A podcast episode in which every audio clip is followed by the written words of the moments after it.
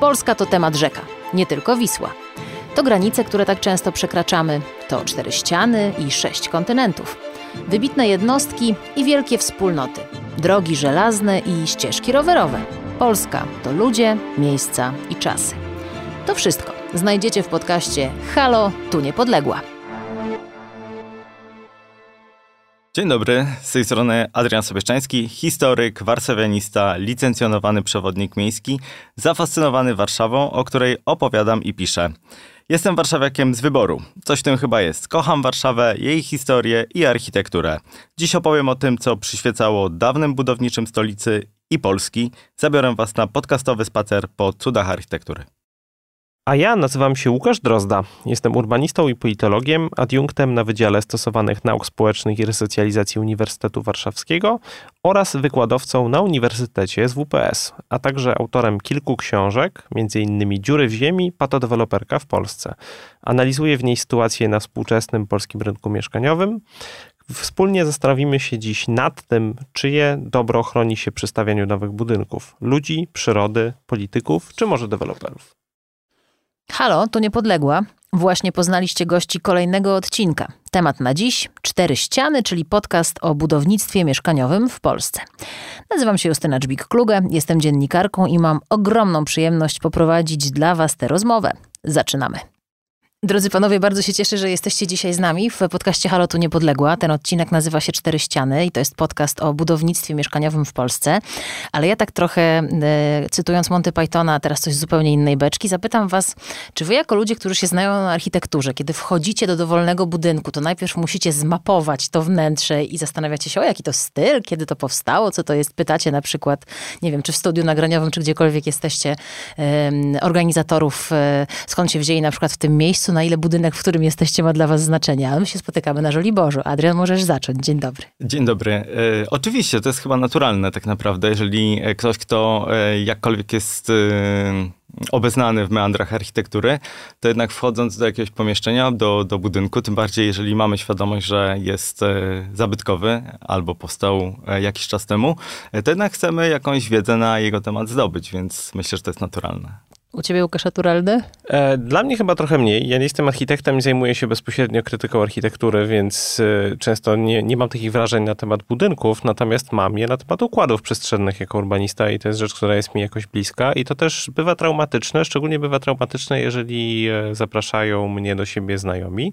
którzy chcą uzyskać jakiś dowód w postaci tego, że mają bardzo fajne miejsce, w którym zamieszkują.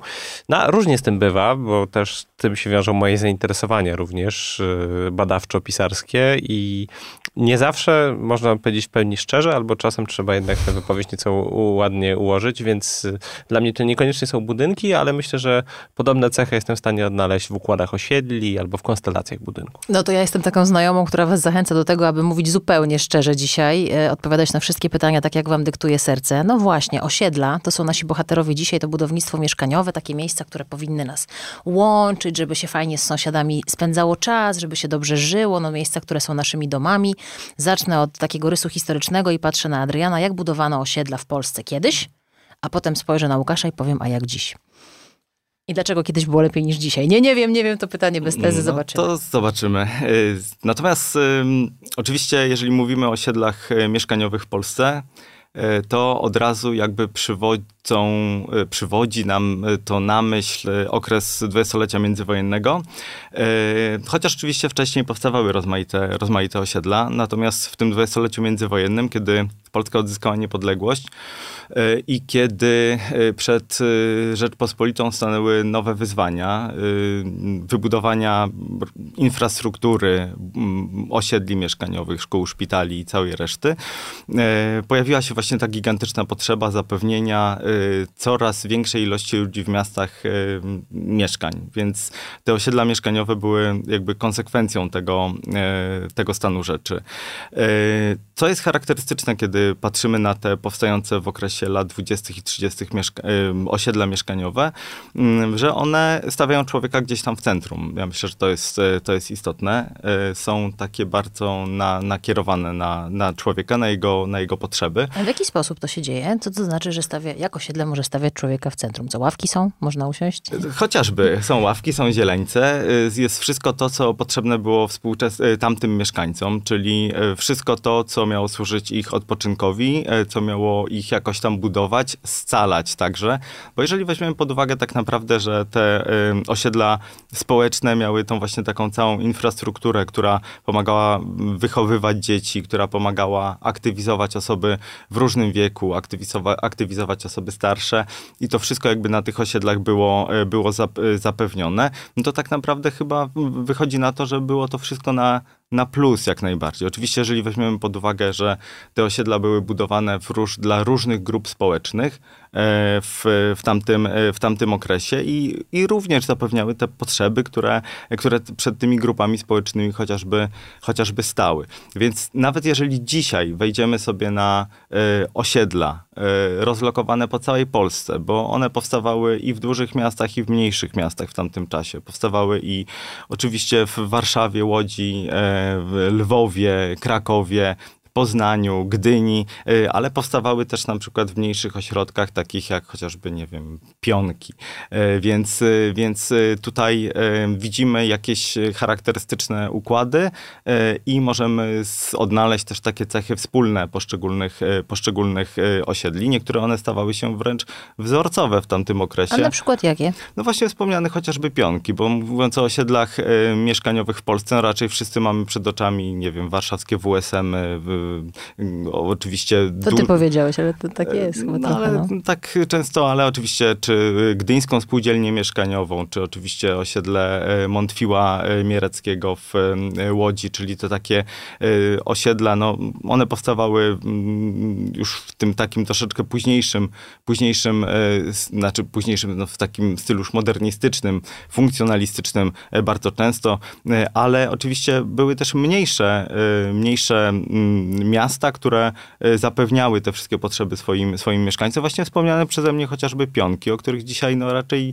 nie, nie powiedzielibyśmy, e, że tam coś takiego funkcjonowało. Wytwórnia prochu w Zagorzdonie, bo tak to się wtedy nazywało, przeznaczyła przez cały okres dwudziestolecia międzywojennego ponad 10 milionów złotych na infrastrukturę właśnie służącą mieszkańcom, gdzie mieszkańcy mieli do dyspozycji rozmaite rzeczy, no bo oczywiście mieszkania były różne, bo były mieszkania i w barakach, barakach, e, które były wielorodzinne, ale były też e, jednorodzinne domki, na które, e, na które, których powstawanie było wspierane tak naprawdę bardzo często, albo też organizowane przez, przez samą wytwórnię, wytwórnię prochu, ale były też sale kinowe, były też miejsca do przedstawień, do spotkań, więc to, to wszystko jakby scalało, scalało tą, tą społeczność, nawet w tych pionkach wspomnianych przeze mnie, co jest bardzo charakterystyczne władze i, i, i, prezes całej wytwórni prochu zwrócił uwagę na to, że jeżeli e, jakby scalimy tą społeczność i ona będzie oczywiście bardzo blisko tego całego założenia. Przypominam, że to jest wytwórnia, była wytwórnia prochu e, w okresie II Rzeczypospolitej, czyli jakby przedsiębiorstwo bardzo, bardzo ważne, bardzo istotne dla funkcjonowania państwa. Jasne. Newralgiczne, bardzo istotne dla funkcjonowania polskiej, e, polskiej armii w tamtym, w tamtym okresie. Na przykład zwracano uwagę na to, że robotnik wykwalifikowany czy niewykwalifikowany, jeżeli będzie dojeżdżał, jeżeli będzie mieszkał daleko od miejsca pracy, e, to jakby jego dotarcie do pracy będzie bardzo skomplikowane. Rower kosztował dwie pensje wykwalifikowanego robotnika w tamtym czasie, więc jeżeli go weźmiemy bliżej i jakoś złączymy e, i, i zbudujemy taką, taką narrację, że on jest częścią tego całego, tego całego kompleksu, kompleksu tak? i przedsięwzięcia, -hmm. to, to on będzie też bardziej oddany tej swojej, tej swojej pracy. Oczywiście nie zawsze tak było, no tak, ale, tak, ale, założenia ale jednak były. założenia, założenia takie oczywiście Łukasz, jak były. słuchasz tego, co Adrian mówi, to sobie jest takie powiedzenie, ach, kiedyś to były czasy, dzisiaj nie ma czasów, tak? Kiedyś to myślano bardziej, ty jesteś człowiekiem, który patrzy na ręce deweloperom, patrzy na ręce pato-deweloperki i sobie myślisz, że dzisiaj nie ma takich pomysłów, jak były kiedyś, czy może nam się tylko wydaje, że nie ma? Jak to budowanie osiedli wygląda dziś? Myślę, że jest ich bardzo mało. Jeżeli można mówić o lepszej klasy pomocy architekturze, a ona też wynika właśnie z urbanistyki, czyli z tego systemu naczyń powiązanych, tego wszystkiego, o czym mówiłeś przed chwilą, że Coś miało być odpowiednio blisko czegoś, być może miało wypełniać kryteria e, miasta 15-minutowego. Hasło spopularyzowane znacznie później można po prostu przypisać do wielu chociażby modernistycznych osiedli, no bo to właściwie z tego wynika. To nie jest żaden nowy pomysł, tylko nazwanie na nowo czegoś, co już istniało i trochę to zapomnieliśmy. Zapomnieliśmy również ze względu na to, że mamy zupełnie inaczej zorganizowany współcześnie model e, budownictwa, model e, budownictwa mieszkaniowego, który jest oparty na tym, że um, że osiedla deweloperskie są budowane w taki sposób, żeby jak najwięcej metrów kwadratowych powierzchni mieszkalnej wycisnąć z budynków, których w tym modelu ma tychże mieszkań powstać jak najwięcej, a jeżeli ma ich powstać jak najwięcej, to z reguły są budowane ciasno i niekoniecznie w jakimś układzie, który jest funkcjonalny i pozwala nam łatwiej dotrzeć do, e, do miejsc, które są nam potrzebne i niekoniecznie to jest powiązane z naszym codziennym życiem. Jest też trudniej to zrobić, chociażby ze względu na to, że współczesne społeczeństwo jest dużo bardziej mobilne. Doświadczenia zakładów przemysłowych, w których ludzie mogli pracować przez kilkanaście czy kilkadziesiąt lat, to, to nie jest coś, z czym się spotykamy współcześnie. Myślę, że zawód, który ja wykonuję, czyli nauczyciel akademicki, to jest jeden z ostatnich właściwie zawodów takich, gdzie można sobie wyobrazić pracę w jednym miejscu przez wie, tak wiele lat, ale to też, y, też nie do końca, bo współcześni naukowcy też dużo bardziej Oczywiście. jeżdżą, e, też częściej zmieniają miejsca pracy niż miało to miejsce dziesiątki lat temu. Chociaż ja też jednocześnie byłbym skłonny zrzędzić na stan e, przeszłości i też nie zawsze ją romantyzować, bo czy to gdybyśmy mówili o osiedlach perelowskich, czyli późniejszym okresie, e, kiedy e, też często lubimy pamiętać te najlepsze realizacje, a niekoniecznie średnią, to myślę, że trochę też podobnie jest międzywojniem, które stworzyło wiele wspaniałych projektów, ale one z reguły były tymi, tymi wzorcowymi, a jednak dominującym ty, typem zamieszkiwania były chyba te baraki, a nie koniecznie właśnie E, osiedla wysokiej klasy. Natomiast niewątpliwie to, co było mm, czego nie było i w, w PRL-u nie było szczególnie, a w międzywojniu też wyglądało to trochę inaczej, no to właśnie inaczej wyglądał obrót y, gruntami budowlanymi. Inna była presja na wykorzystanie tych, e, tych metrów kwadratowych. Mhm. Tak, więc to jest, to jest współczesne zjawisko i zanim idzie w ślad to, jak te osiedla wyglądają w tej chwili. Możesz się, Adrian, nie zgodzić, kiedy padło hasło, że chciałbym pozrzędzić. Ale jeszcze, jeszcze bym, bym dopowiedział, może bo myślę, że to też warto podkreślić, że problem z tymi realizacjami, które są najlepsze aktualnie, polega na tym, że to z reguły są osiedla klasy premium, albo apartamentowce, które są mniejszymi budynkami, mniejszymi rezydencjami i one mogą wyglądać bardzo fajnie być zlokalizowane w świetnych miejscach, mieć e, dobre parametry użytkowe, być e, zbudowane przy pomocy dobrych materiałów, ale to rzadko kiedy są pierwsze realizacje, które wywołują się do średniej społecznej, a po drugie raczej są małe, punktowe, nie tak jak osiedla. Porozmawiamy o tym jeszcze za chwilę, o, tych, o tym, e, czy dzisiaj gdzieś właśnie na jakichś osiedlach stawia się dobro mieszkańców na pierwszym miejscu, a nie dobro zagospodarowania każdego milimetra sześciennego, czy metra sześciennego, czy kwadratowego powierzchni, ale nie wiem, Adrian, czy nie chciałbyś adwocem tutaj, żebyś nie wyszedł, e, znaczy, bo nie, tak trochę nie, zaraz się okaże, że was tak trochę pozycjonujemy jako apologetę przeszłości, jak to międzywojnie, a tutaj Łukasz mówi, no będę zrzędził.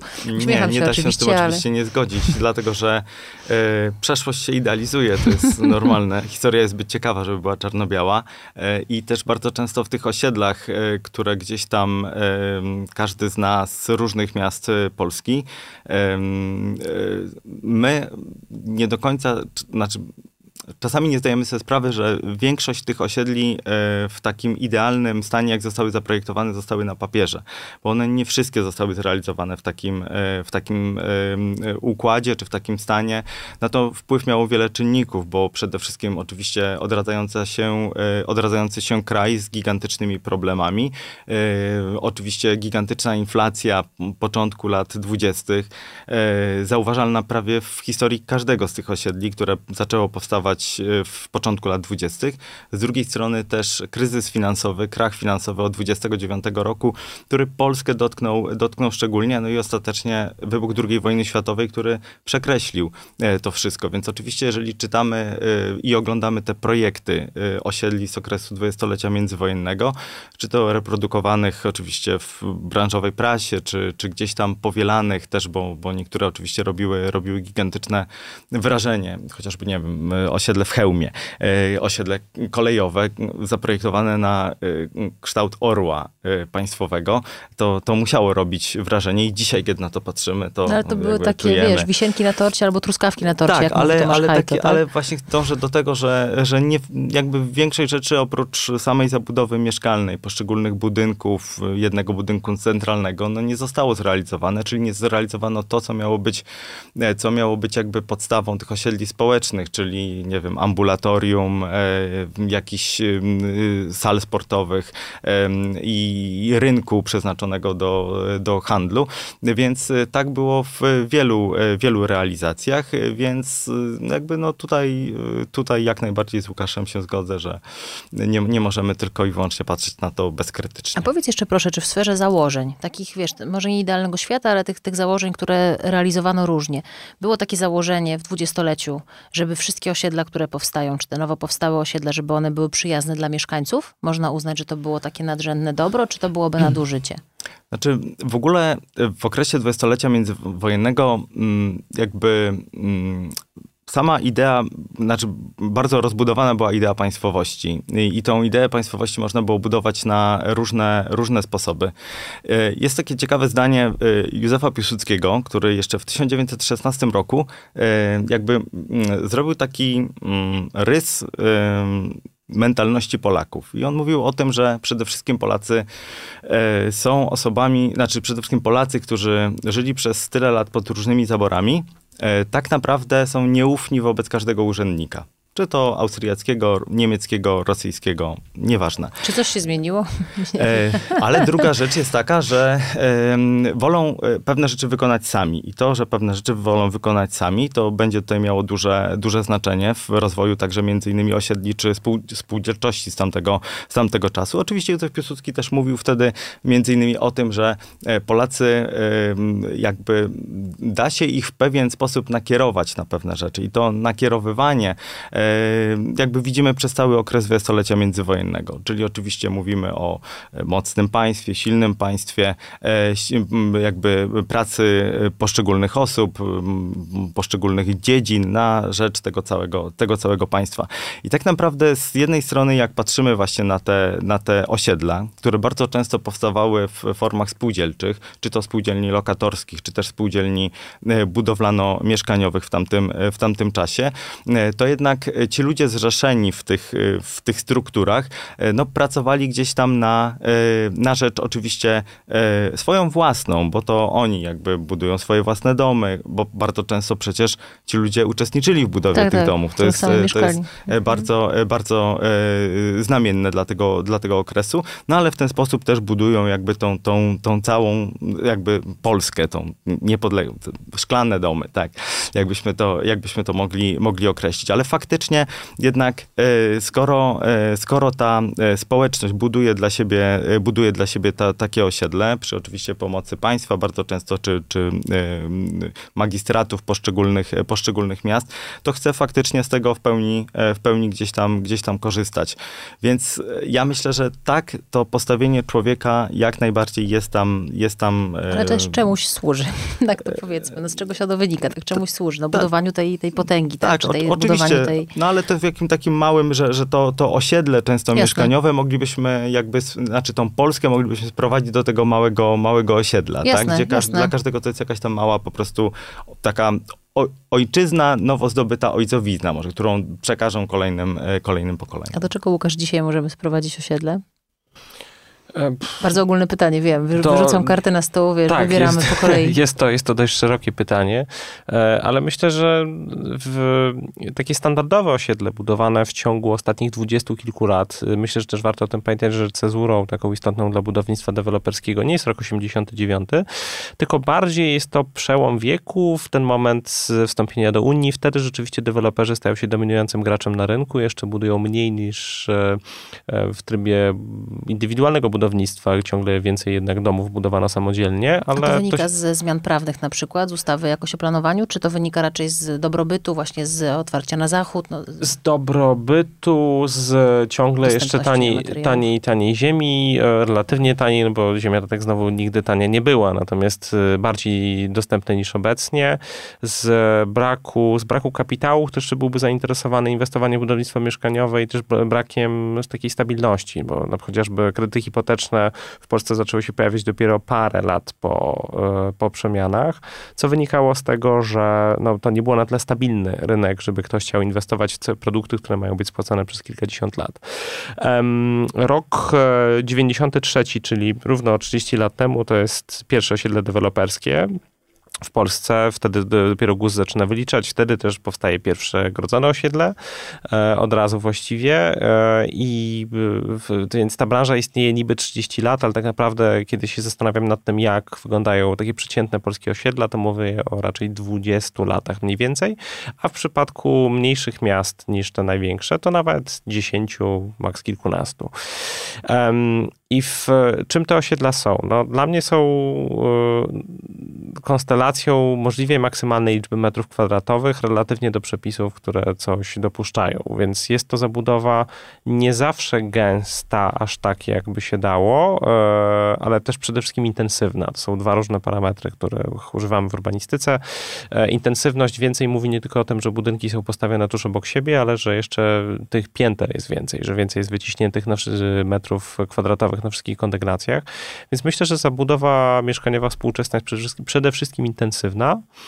E, po drugie, jest często bardzo minimalistyczna, ponieważ przez to, że Minimalistyczne nie chodzi mi tylko o stylistykę, e, ale chodzi o klasę wykorzystywanych materiałów budowlanych chociażby, ponieważ współcześnie mm, model, w którym praktycznie wszyscy muszą kupować mieszkania własnościowe, no bo to też się różni od tych poprzednich etapów, o których rozmawialiśmy, polega na tym, że po mieszkania sięgają osoby, które niekoniecznie powinny to robić, nie dlatego, że nie mają takiego prawa, że im się nie należy, tylko dlatego, że efekt efektywność gospodarstwa domowego, które koniecznie stawia na mieszkanie własnościowe, w momencie, kiedy poziom jego dochodów nie jest znaczący, powoduje to, że takie gospodarstwo domowe kupuje mieszkanie niekoniecznie najwyższej klasy, bo tylko takie się spina finansowo deweloperowi, który je buduje.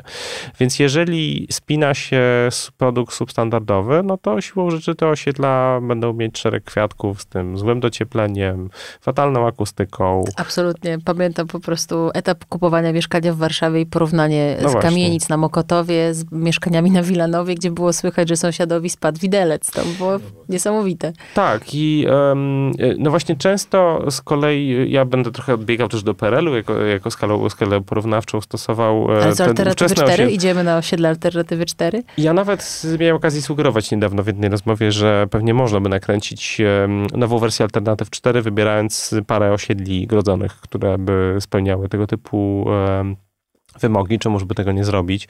Wyobrażam sobie, że co bardziej taka zapalczywa współczesna wspólnota mieszkaniowa też mogłaby podpasować pod coś takiego, ale mm, e, w, często właśnie e, współczesne mieszkania bronione są takimi hasłami pod tytułem, no dobrze, komuś się nie podoba współczesne osiedle, to znaczy, że chciałoby się wrócić do PRL-u, a w PRL-u to właśnie alternatywy 4, wszystko słychać u sąsiadów, zimno w tym mieszkaniu, nie wiadomo kiedy te kaloryfery włączą i, i, i parę jeszcze jakichś tych innych skojarzeń. Ale właściwie większość tych dysfunkcji charakterystycznych dla tamtejszych wnętrz właściwie trwa dalej. Chociaż też myślę, że to, co uczciwie należy powiedzieć o współczesnym budownictwie, to to, że z reguły więcej wiadomo, czego się w nim spodziewać.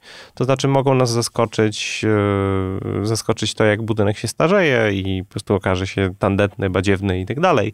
Ale raczej wiemy tak, jak przebiegają jakieś układy instalacyjne. Więc jeżeli chcemy takie mieszkania przerabiać, przebudowywać, to, to wtedy czeka nas mniej niespodzianek niż w przypadku tego, jak ktoś sięgnie po piękne mieszkanie w kamienicy albo... I odkryje. Albo tak. blok yy, sprzed 89 czy właściwie sprzed połowy lat 90., tak to może Ja sobie skojarzyłam alternatywy 4, myśląc o, o, o, naszym dzisiejszym spotkaniu, no pod kątem pewnej wspólnoty, która tam bez wątpienia była. No wspaniały polski serial, więc też wspaniali aktorzy, którzy pokazali tych ludzi żyjących obok siebie. Na ile Łukasz dzisiaj przy projektowaniu osiedli zwraca się uwagę, a jeżeli się zwraca, to czy to właśnie przy tych osiedlach premium, na ten wątek takiego sąsiedztwa, bliskości yy, ludzi do siebie. No bo dzisiaj też trochę tak narzekamy, że przez te odgrodzone osiedla nie mówimy sobie dzień dobry, każdy żyje wolność domku w swoim domku, że jakoś tak atomizujemy się jeszcze bardziej. Na ile być może w urbanistyce czy w projektowaniu jest jakiś taki trend odwrotny, żeby nas jednak w tych miejscach najbliższych nam też do siebie zbliżać? No to też mamy rozdźwięk pomiędzy, pomiędzy, tym, co chcieliby robić projektanci. E, ja też nie, nie specjalnie bym ich zawsze tłumaczył, bo myślę, że jednak podpisywanie się pod pewnymi projektami jest zbytnim pójściem na łatwiznę, ale jednak architekci no, nie są opętani fanatyczną rządzą umieszczenia ludzi w zbyt małych osiedlach i zbyt małych mieszkaniach. To raczej wynika, wynika z presji inwestorskiej tego, żeby te projekty się spinały temu, kto je finansuje i kto te mieszkania sprzedaje.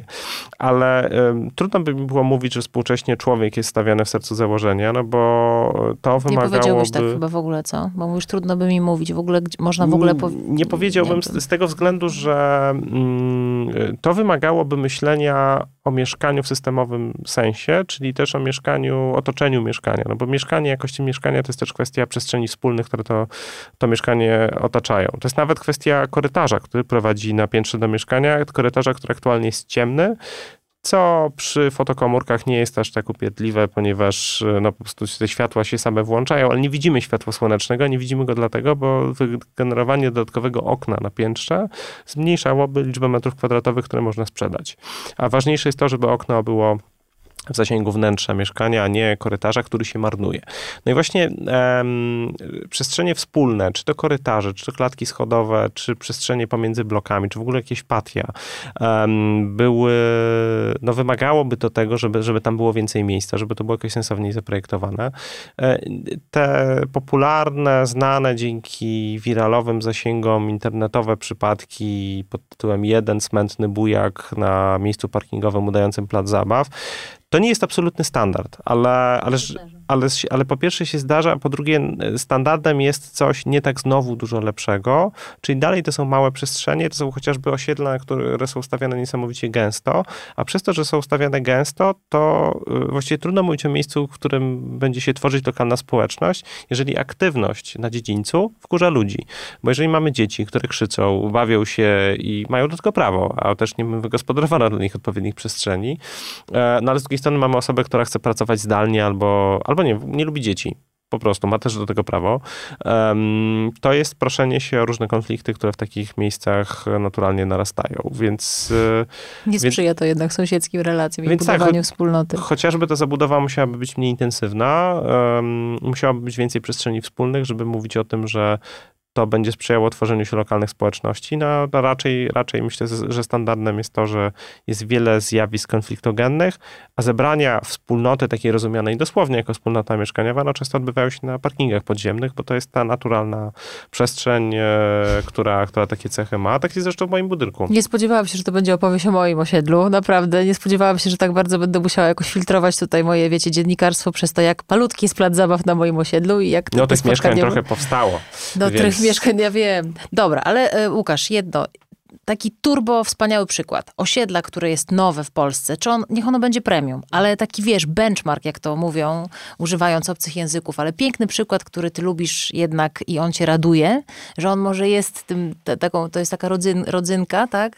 Ale jest. E, że są pomyślane, że jest to miejsce pomyślane dla ludzi, że jest zielono, nie, no bardzo fajne pod tym względem jest osiedle Riverview w, w Gdańsku, które jest zaraz obok głównego miasta i ono mi się bardzo podoba, jeżeli chodzi o formę przestrzenną, ale to, co mnie rozczarowuje, to to, że na wszystkich balkonach jest identyczne wyposażenie, co sugeruje, że pewnie mieszkania były kupowane hurtowo w celach inwestycyjnych, a niekoniecznie no przez proszę, bez rysy. Coś bez rysy. Przykład ale, bez ale. No. Ale przykład z mniejszym ale, to, no to, to jest to, to osiedle, które się najczęściej przywołuje, czyli Nowe Żerniki we Wrocławiu. One też nie są zupełnie bez rysy, ale, mm, ale są nietypowe nietypowe jak na polskie osiedle, bo po pierwsze są ładne, e, są spójnym projektem wynikającym z konkursu architektonicznego, konkursu urbanistycznego właściwie i warsztatów, które przeprowadzono przy udziale bardzo wielu pracowni architektonicznych i urbanistycznych. Um, osiedle z dostępem do tramwaju, pomimo tego, że jest zbudowane daleko od centrum. Um, osiedle w którym nawet zadbano o to, żeby było coś poza deweloperami. Jest tego trochę za mało, ale jest. Um, czyli mamy tam i kooperatywy mieszkaniowe, więc budownictwo oddolne i, e, i taki duży budynek TBS-u dostosowany do potrzeb seniorów. Um, więc e, jest to do tego jeszcze ładne, spójne przestrzennie. W dalszym ciągu jest osiedlem deweloperskim, więc, y, więc jednak większość mieszkań jest, ma wszystkie te cechy. Tak, które muszą być odhaczone. Tak? Które muszą być odhaczone, ale bardziej mi chodzi o kwestię dostępności cenowej niż o, okay. o złą jakość. Więc jest to niewątpliwie dobry przykład i w skali tego, z czym my operujemy, jest szczególnie godny pochwały. Naprawdę wybija się na tle reszty i, e, i nie jest taką luksusową przestrzenią, bo to też nie jest, nie jest mhm. luksusowe osiedle w centrum miasta. One powstało dość, e, dość daleko. To jest chyba ponad 10 kilometrów od centrum Wrocławia, jeżeli dobrze pamiętam. I też myślę, że y, uderzający jest kontrast pomiędzy tym osiedlem, a jedną rzeczą, która powstała w pobliżu i drugą, która nie. Jedną rzeczą, która powstała w pobliżu jest stadion y, wrocławski, który jest studnią bez dna, na której gra klub piłkarski będący studnią bez dna, drenującą samorządowy budżet. A drugą rzeczą, która, która nie powstała, było Expo we Wrocławiu, bo ta realizacja powstała dlatego, że klapą okazał się wielki projekt, który miał budować mocarstwowy wizerunek trzeciego największego miasta obecnie w Polsce.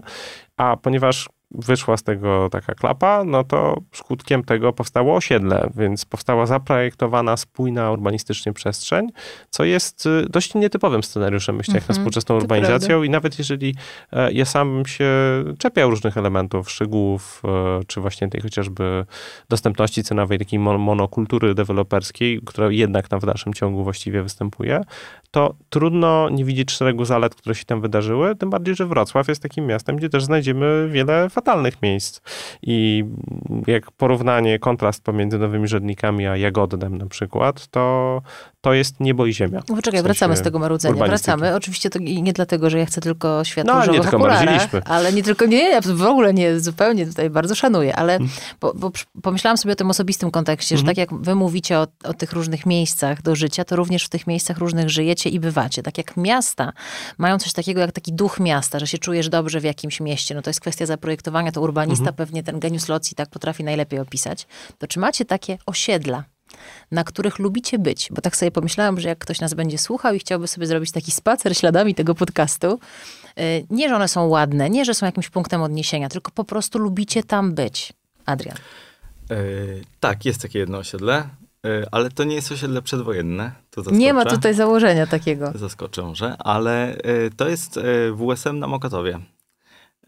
Czyli taka realizacja, tam ulica Balladyny, Wołoska, dla mnie świetna realizacja. E, uważam, że jedno z fajniejszych miejsc. Ja mieszkam na Mokotowie, co prawda nie w tamtym miejscu, ale nie opodal i jeżeli, e, jeżeli sobie gdzieś przechodzę tamtędy, to lubię przejść przez to, przez to osiedle. I naprawdę, i to jest jakby zaprojektowane na skalę człowieka. E, człowiek czuje się tam e, naprawdę fajnie. Zresztą to było bardzo nowoczesne osiedle z zaprojektowanymi specjalnymi, nie wiem, pracowniami architektonicznymi w takich ulokowanych takich ścianach szczytowych tych, tych budynków. No oczywiście dzisiaj ono też wygląda troszeczkę inaczej e, niż, e, niż wyglądało to e, pierwotnie, jak planowano to, to pierwotnie, ale to jest, to jest to miejsce, jeżeli chodzi o mnie. Łukasz? Mm, no mi też będzie najłatwiej przywołać przykład z Warszawy i tak właśnie jak teraz mówiłeś, zastanawiałem Trochę się... Trochę byliśmy w różnych częściach Polski, więc wybaczę wam który, teraz tę Warszawę. Może który, być i Warszawa. Który, który przykład bym wynalazł inny.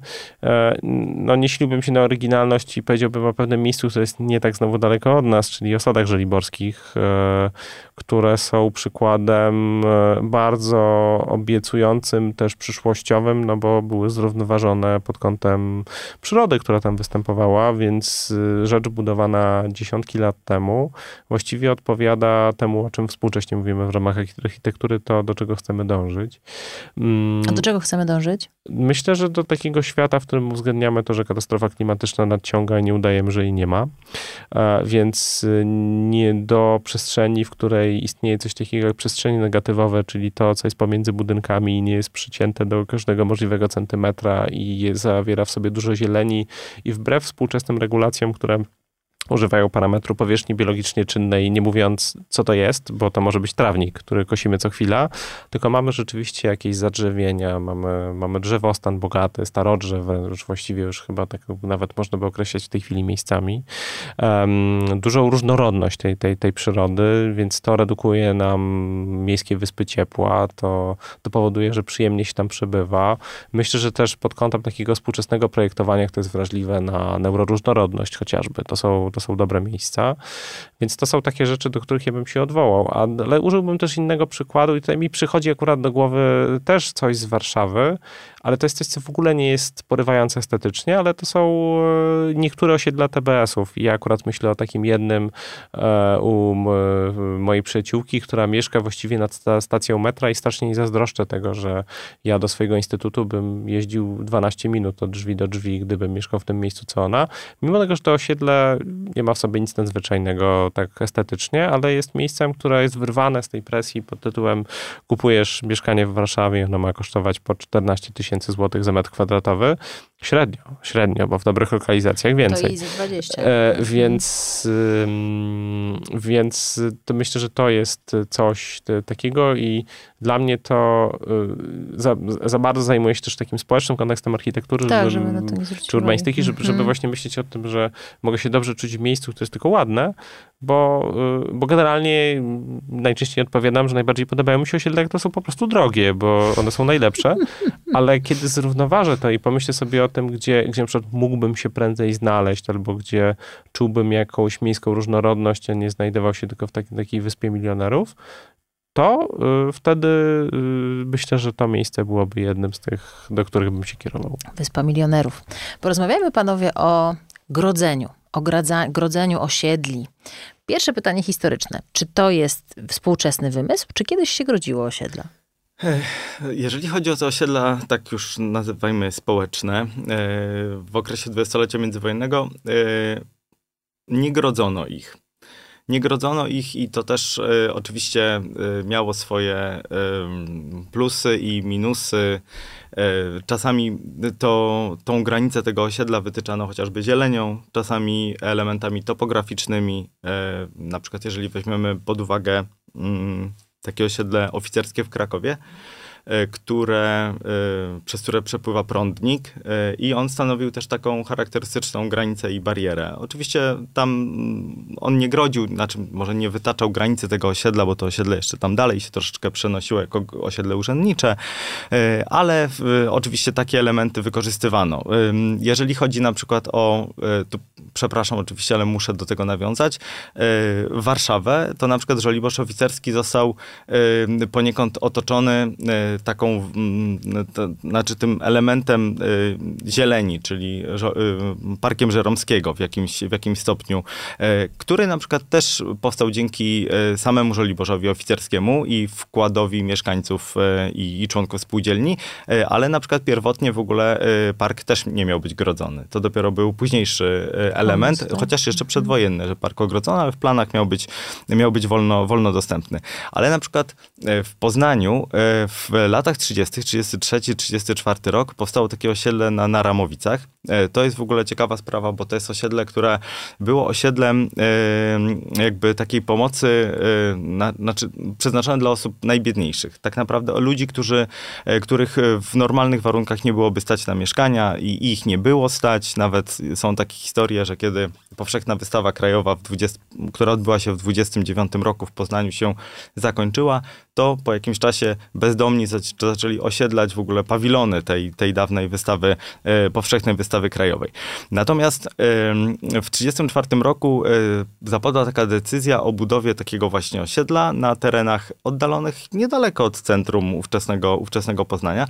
Projektantem w ogóle, co jest bardzo ciekawe, był Marian Spychalski, czyli e, późniejszy marszałek Polski w okresie, w okresie powojennym, no ale to i architekt, prezydent i, i prezydent oczywiście też Warszawy, e, ale, no, ale oczywiście też architekt i urbanista, mhm. prawda? Natomiast e, Spechalski zaprojektował takie osiedle takich niewielkich domków. I co, on nie ogrodził? Bo tak czekam, że dojdziemy nie, do tego nie, nie, nie, nie ogrodził, ale chodzi o to, że tam stłoczono dość dużą liczbę ludzi na tym niewielkim mhm. osiedlu. To były domy budowane z prefabrykatów. Bardzo szybko budowało się te domy. Taki, budowa takiego domu z działką i budynkiem gospodarczym niewielki niewielkim budynkiem gospodarczym, ale to kosztowało 2000 zł i cała, jakby, znaczy cała, jakaś część okolicznej ludności, między innymi nawet z parafią, która tam nieopodal się znajdowała, była przeciwna temu, żeby te osoby tam mieszkały, bo nawet gdy trzeba było powołać zarząd tej, tej wspólnoty, to ciężko było znaleźć osobę w całym tym osiedlu, która by nie miała wyroku sądowego za przywłaszczenie mienia najczęściej. Ale właśnie jakby wywoływało to jakby sprzeciw osób, które były dookoła, e, że jakby te, te, osoby biedne będą się gdzieś tam mhm. rozprzestrzeniały, a z nimi pewne zachowania tak. bądź formy, formy zachowań. E, I, I przecież nikt tego nagle nie ogrodził, nie, nie zamknął tych ludzi w jakimś ogrodzonym, ogro, na ogrodzonym terenie. Mało tego, to e, praca, która tam jeszcze postępowała nad tymi ludźmi spowodowała, że zmniejszył się analfabetyzm i większość ludzi hmm. znalazła sobie pracę, normalnie Ciekawe, funkcjonowało i tak dalej. Więc, więc jakby e, nawet w takich warunkach nikt tego, nikt tego nie grodził. I gdy popatrzymy na te wszystkie osiedla zasadniczo, to one nie były były, nie były e, grodzone, więc e, jakby tu przepływ ludności też pomiędzy poszczególnymi e, osiedlami, czy, czy sąsiadującymi często ze sobą był jak najbardziej swobodny, więc nie było to w tamtym okresie praktykowane. Kto i dlaczego wymyślił grodzenie i czym ono się zakończyło, albo do czego doprowadziło w twoim odczuciu? Bo ja pamiętam te dyskusje, no to w ogóle dysk ogromne dyskusje o grodzeniu. Tak, z drugiej strony dzisiaj wiele osób sobie nie wyobraża mieszkania na niestrzeżonym, nieogrodzonym osiedlu, na drugą nóżkę. Myślę, że coraz mniej ludzi sobie, sobie nie jest tego w stanie wyobrazić. Wynika to też trochę z przedmiotu aspiracji, bo grodzone osiedla pojawiły się dokładnie wtedy, kiedy de deweloperka w ogóle się pojawiła w Polsce, czyli to jest rok 93. Kto wymyślił? No wiadomo, kto przyciągnął pierwszy taki projekt. Był to Zbigniew Niemczycki. To jest człowiek, którego właściwie też można uznać za pomysłodawcę Mordoru, e, ponieważ on stawiał pierwszy biurowiec w tym e, współcześnie, no nie chcę powiedzieć, że niesławnym, ale dyskusyjnym dystrykcie biurowym. Mordor, um, czyli takie właśnie miejsce w Warszawie, które y, tak jest nazywane jako taki, taka, no nie wiem, karykatura, czy taki potworek architektoniczny, jeśli chodzi o te wielkie budynki biurowe. Tak, a pierwsze osiedle to było osiedle w, mm, stawione w Piesecznie, otwarte w 1993 roku i co, co ciekawe, bo przywiózł wspomnieć prefabrykaty i rzeczywiście to było osiedle budowane z prefabrykatów. Ja też myślę, że to było istotne, żeby je ogrodzić również w takim kontekście, ponieważ rok 93 to jest rok zamknięcia ostatniej fabryki domów w Polsce, która buduje wielkopłytowe bloki. I wtedy jednocześnie inwestor próbuje wybudować nowy produkt. On jest ogrodzony, e, ale dalej z prefabrykatów. Tylko te prefabrykaty były bardzo szczególne, ponieważ tam wszystko włącznie ze stolarką okienną przypływało z oceanu. No bo jak było coś amerykańskie czy kanadyjskie, to brzmiało zupełnie inaczej niż wielka płyta, która kojarzyła się wtedy fatalnie. Niesłusznie zresztą, bo nie w każdym przypadku wielka płyta jest czymś złym, a raczej prefabrykacja jest naturalnym kierunkiem, jeżeli chcemy mówić o tanim i efektywnym, ale też dobrym, e, bo dzięki temu efektywnym e, budownictwie mieszkaniowym. Więc, więc myślę, że tak, należałoby szukać źródeł. E, one, grodzone osiedla wynikają z tego, że po pierwsze udało się sprzedać taką narrację o prestiżu, który towarzyszy... O bezpieczeństwie? Amerykańskim stylu życia, a po drugie bezpieczeństwie. E, bezpieczeństwie rozumianym jako strach przed przestępczością pospolitą, pomimo tego, że wiemy doskonale, że grodzone osiedla nic w tej materii nie zmieniają. No ja tak anegdotycznie mogę dopowiedzieć, że mieszkałem kiedyś na wtórnie grodzonym osiedlu i, i wtórne ogrodzenie spowodowało to, że rzeczywiście straży miejskiej ciężko było, e, ciężko było interweniować w sytuacjach, kiedy ktoś e, nawet nie tyle spożywał alkohol w przestrzeni publicznej, co robił burdy przy tym. No, jak się pojawił płot, to kwestia, czy można się dostać, czy to jest przestrzeń publiczna, E, czy policja, czy Straż Miejska może wtedy interweniować, to inna, inna sprawa. Widzę dwa czynniki. Jeden optymistyczny, który mówi o tym, że grodzonych osiedli będzie mniej, a drugi mówiący o czymś innym.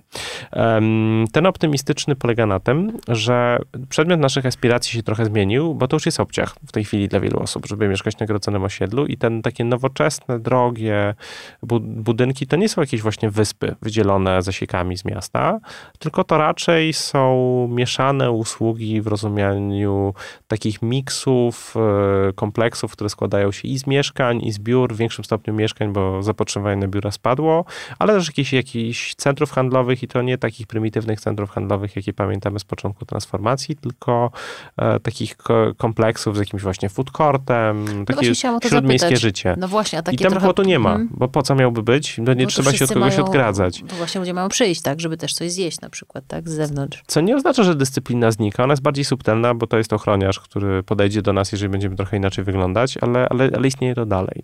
Um, natomiast jest też trend przeciwstawny, mówiący o tym, dlaczego ogrodzone osiedla niekoniecznie muszą zniknąć i on wynika trochę z logiki funkcjonalnej takiego bytu jak grodzone osiedle. Um, to, za co kochamy często osiedla perelowskie, to za to te modernistyczne, mam w tej chwili na myśli, to to, że można po nich swobodnie spacerować. Tam, gdzie te wizje architektów i urbanistów udało się wcielić w życie, e, bo nie zawsze tak było i często też było szereg ograniczeń, ale układy urbanistyczne często udawało się wcielać życie w takim sensie, że na przykład dojście do jakichś usług lokowanych na osiedlu rzeczywiście polegało na tym, że właściwie nie przecinało się z drogami kołowymi. Nie było takiej potrzeby, było bezpiecznie, dziecko mogło sobie dojść do przedszkola czy do, czy do szkoły bez kontaktu z samochodami. Też te osiedla wtedy nie były poryte aż tyloma parkingami, co współcześnie, więc było to tym łatwiejsze, ale nawet dzisiaj często na takich porytych parkingami osiedlach da się to mniej więcej e, zrobić. A kiedy mamy osiedle zabudowane dużo gęściej i dalej myślimy chociażby o bezpieczeństwie dzieci. Nie chcemy, żeby one biegały między samochodami. Więc co zrobić, żeby nie biegały przeciwko samochodami, między samochodami? Stawiamy płot.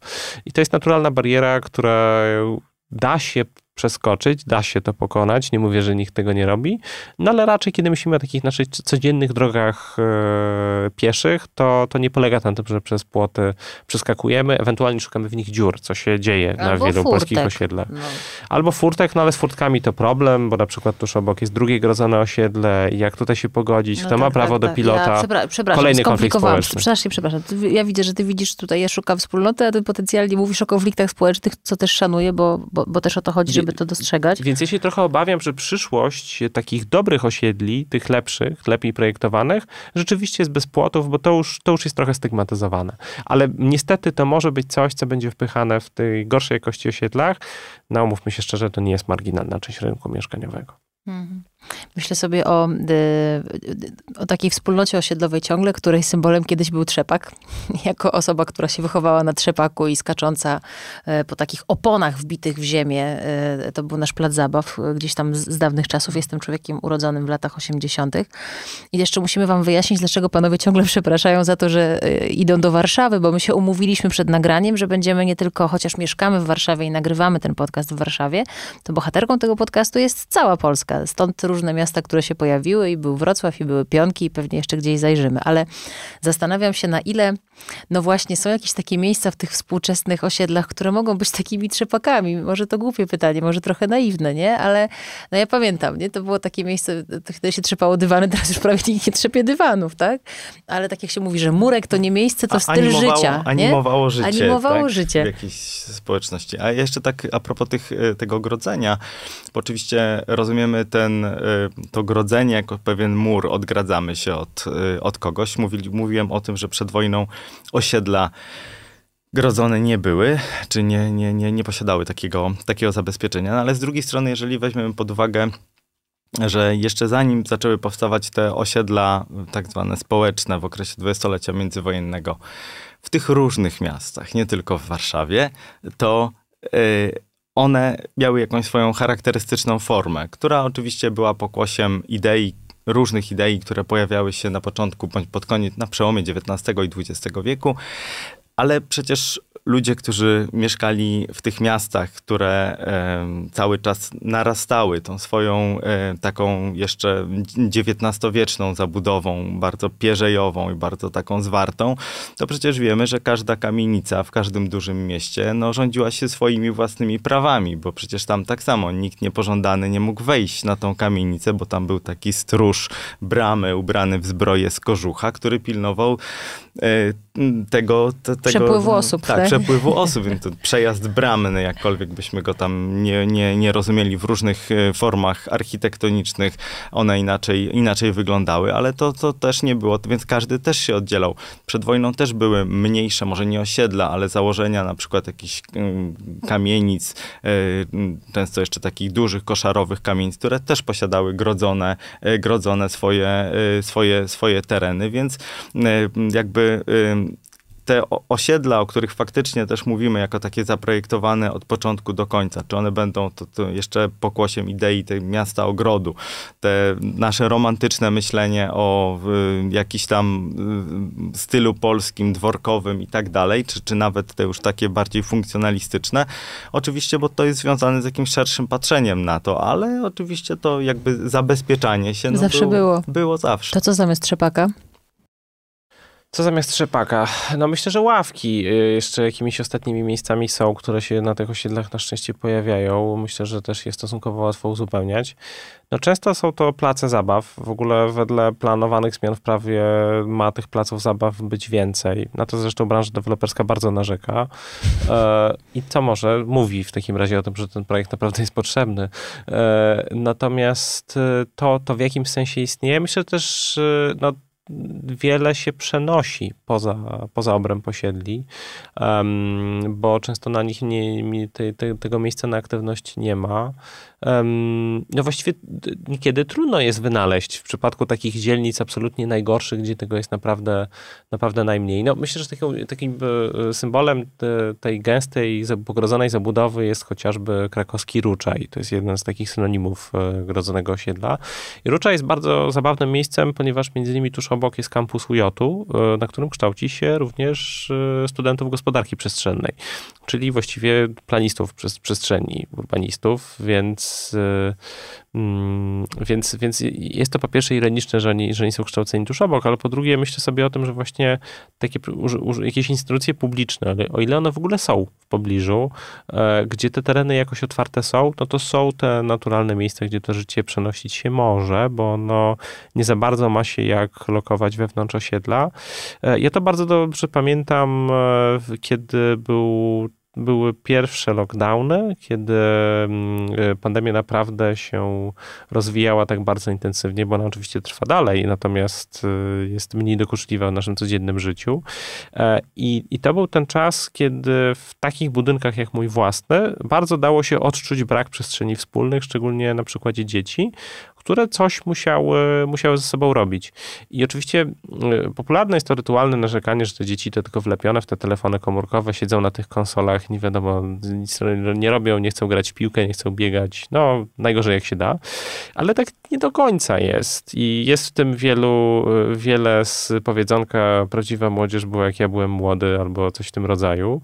E, a w praktyce te dzieci rzeczywiście mają jakąś potrzebę wyszaleć się. I w moim budynku no, biegały po korytarzu, darły darły się po tych, po tych ścianach, co się najmocniej odbijało.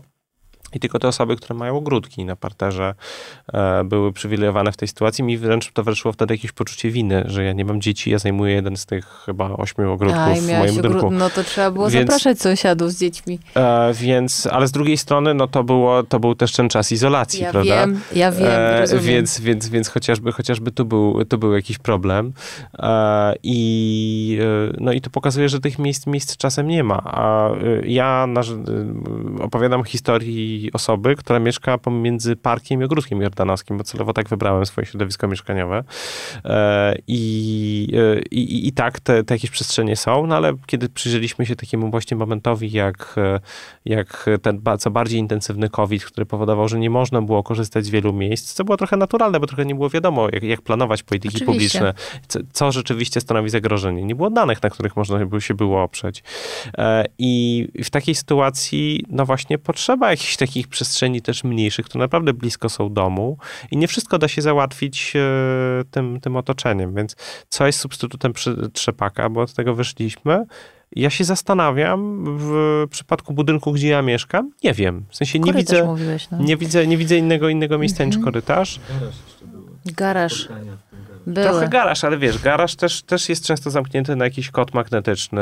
Ja mam sąsiadów, którzy spotykają się w piątkowy wieczór, dwóch ojców i piją piwo bezalkoholowe w garażu i gadają, przysięgam, w bloku po prostu takim odgrodzonym. To myślę, że myślę, że chyba znalazłaś tę odpowiedź bardzo precyzyjnie i po prostu wyjaśniłaś, bo to jest ten mechanizm, tak?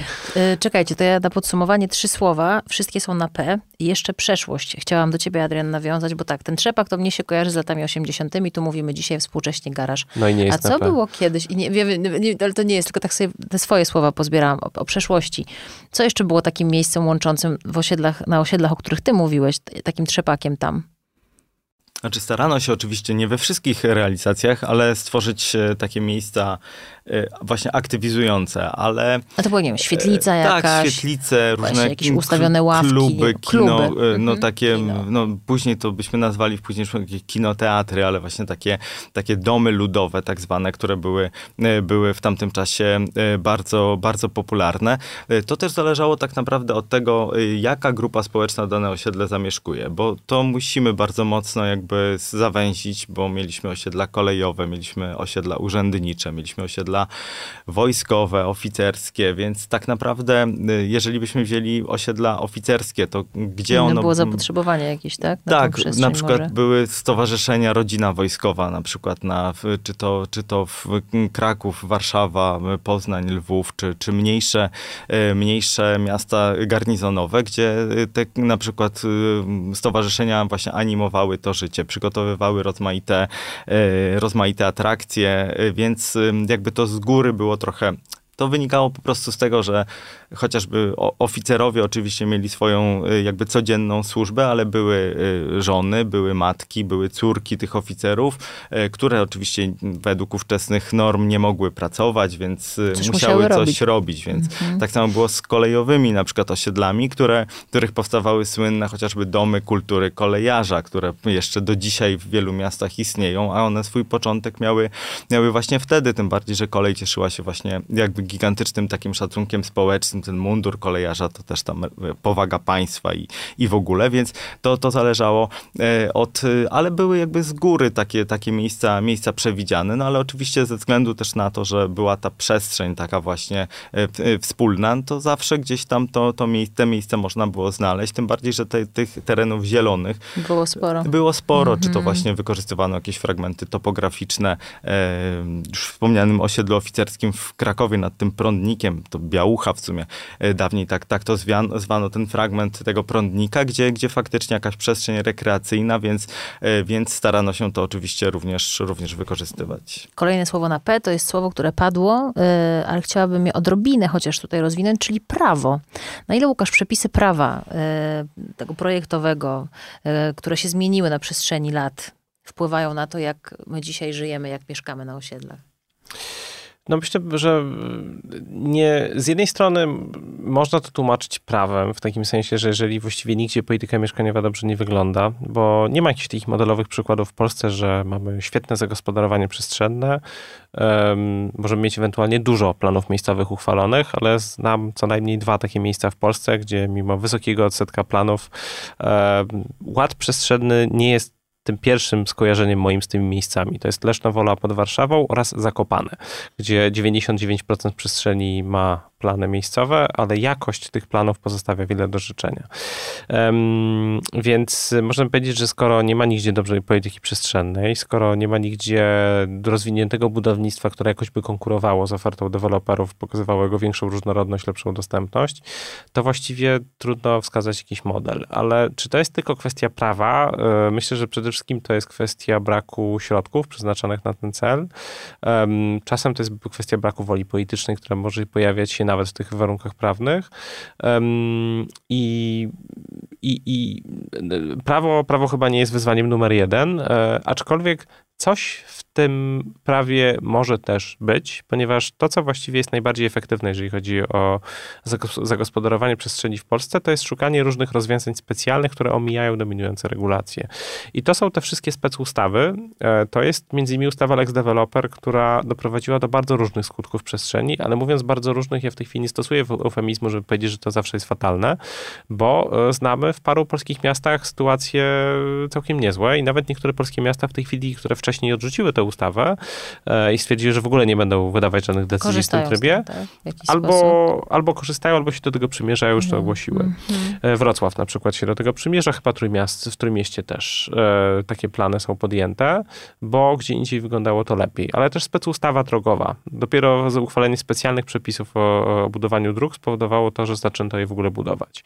E, czy w ogóle fakt, że w Polsce podstawowym narzędziem regulacji przestrzeni jest e, niesławna WZ, czyli taka jednostkowa decyzja administracyjna, którą się wydaje wtedy, kiedy nie jest uchwalony plan miejscowy, to powoduje, że często jakieś takie szpachlowanie prawa, jakieś takie omijanie go e, jest, ale omijanie nie w sensie jakiegoś przestępstwa, rzeczy, no tylko wykorzystywanie specjalnych procedur, e, górnolotnie tak nazywanych, to powoduje, że coś się udaje, więc, y, więc często jest, y, jest z tym problem.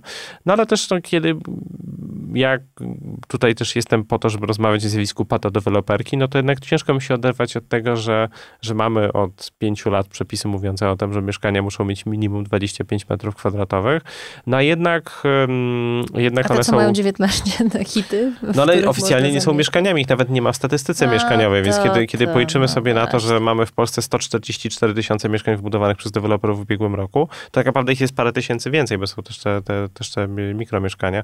One czasem są wtórnie y, podzielone na mniejsze jednostki, więc to nie zawsze jest winą deweloperów, no ale one jednak powstają, tak? I, Jasne. i to, to pokazuje, że, y, że czasem prawo nie jest zbyt szczelne, ale czasem no, ono jest naprawdę obchodzone już tak drastycznie, że inna kultura decyzyjna mogłaby na dokładnie podstawie tych samych przepisów blokować pewne rozwiązania. Absolutnie. No to jest inne słowo na P, na patencie. No, pewien patent to tutaj gdzieś jest hmm. wpisany w różne e, obejścia. To na koniec słowo na P pojutrze. Ja szykując się do tej rozmowy, to, to uważam, że nie ma przypadków. Akurat w, w, mojej szafie przekładałam książki i wzięłam do ręki książkę Pauliny Wilk, która się nazywa Pojutrze i to jest książka o miastach przyszłości. Wyjdźmy na chwilę z Polski. Lubimy patrzeć na jakieś takie azjatyckie czasami miasta, gdzie są rośliny wyraźne wyrastające z budynków, na ile wasze miasta pojutrze w Polsce to byłyby takie właśnie zielone, mogłyby być, może bardziej nawet nie chcielibyście, tylko mogłyby być. Jakie mogłyby być te polskie, biorąc pod uwagę te realia, to wszystko, w czym jednak żyjemy, takie miasta pojutrze? No, no, no.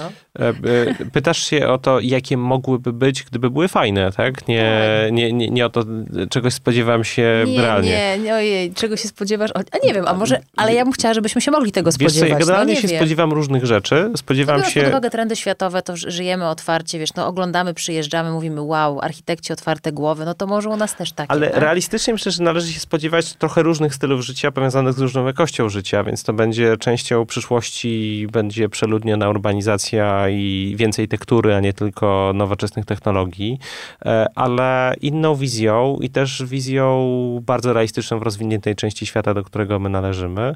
No rzeczywiście jest e, parę takich zmian, które bardzo zmienią sposób funkcjonowania w mieście. No po, po pierwsze, czy to się komuś podoba, czy nie, będzie mniej samochodów. E, I to zrewolucjonizuje to, jak w ogóle używamy przestrzeni, jak dojeżdżamy, jak się komunikujemy, ile przestrzeni jest zostawionych nie tylko na drogę rowerową, ale też na przykład inwestycję szynową o jakimś liniowym charakterze, więc, więc, więc to, już, to, to już wiele zmieni. E, to wiele zmieni w kwestii organizacji osiedli, tego na co trzeba wydzielać przestrzeń. Deweloperzy nawet temu trochę przyklaskują, bo dla nich to jest obniżenie kosztów. To jest nawet 100 tysięcy złotych mniej na jednym miejscu parkingowym, którego nie trzeba budować i być może będzie dużo łatwiej inwestorowi jednak przepchnąć postawienie piwnicy, których często brakuje na osiedlach deweloperskich. Myślę, że przyszłością są miasta bardziej zielone, ale to już jest trochę kwestia tego, czy ja mówię o tym, czego chcę, a jakie one w rzeczywistości będą.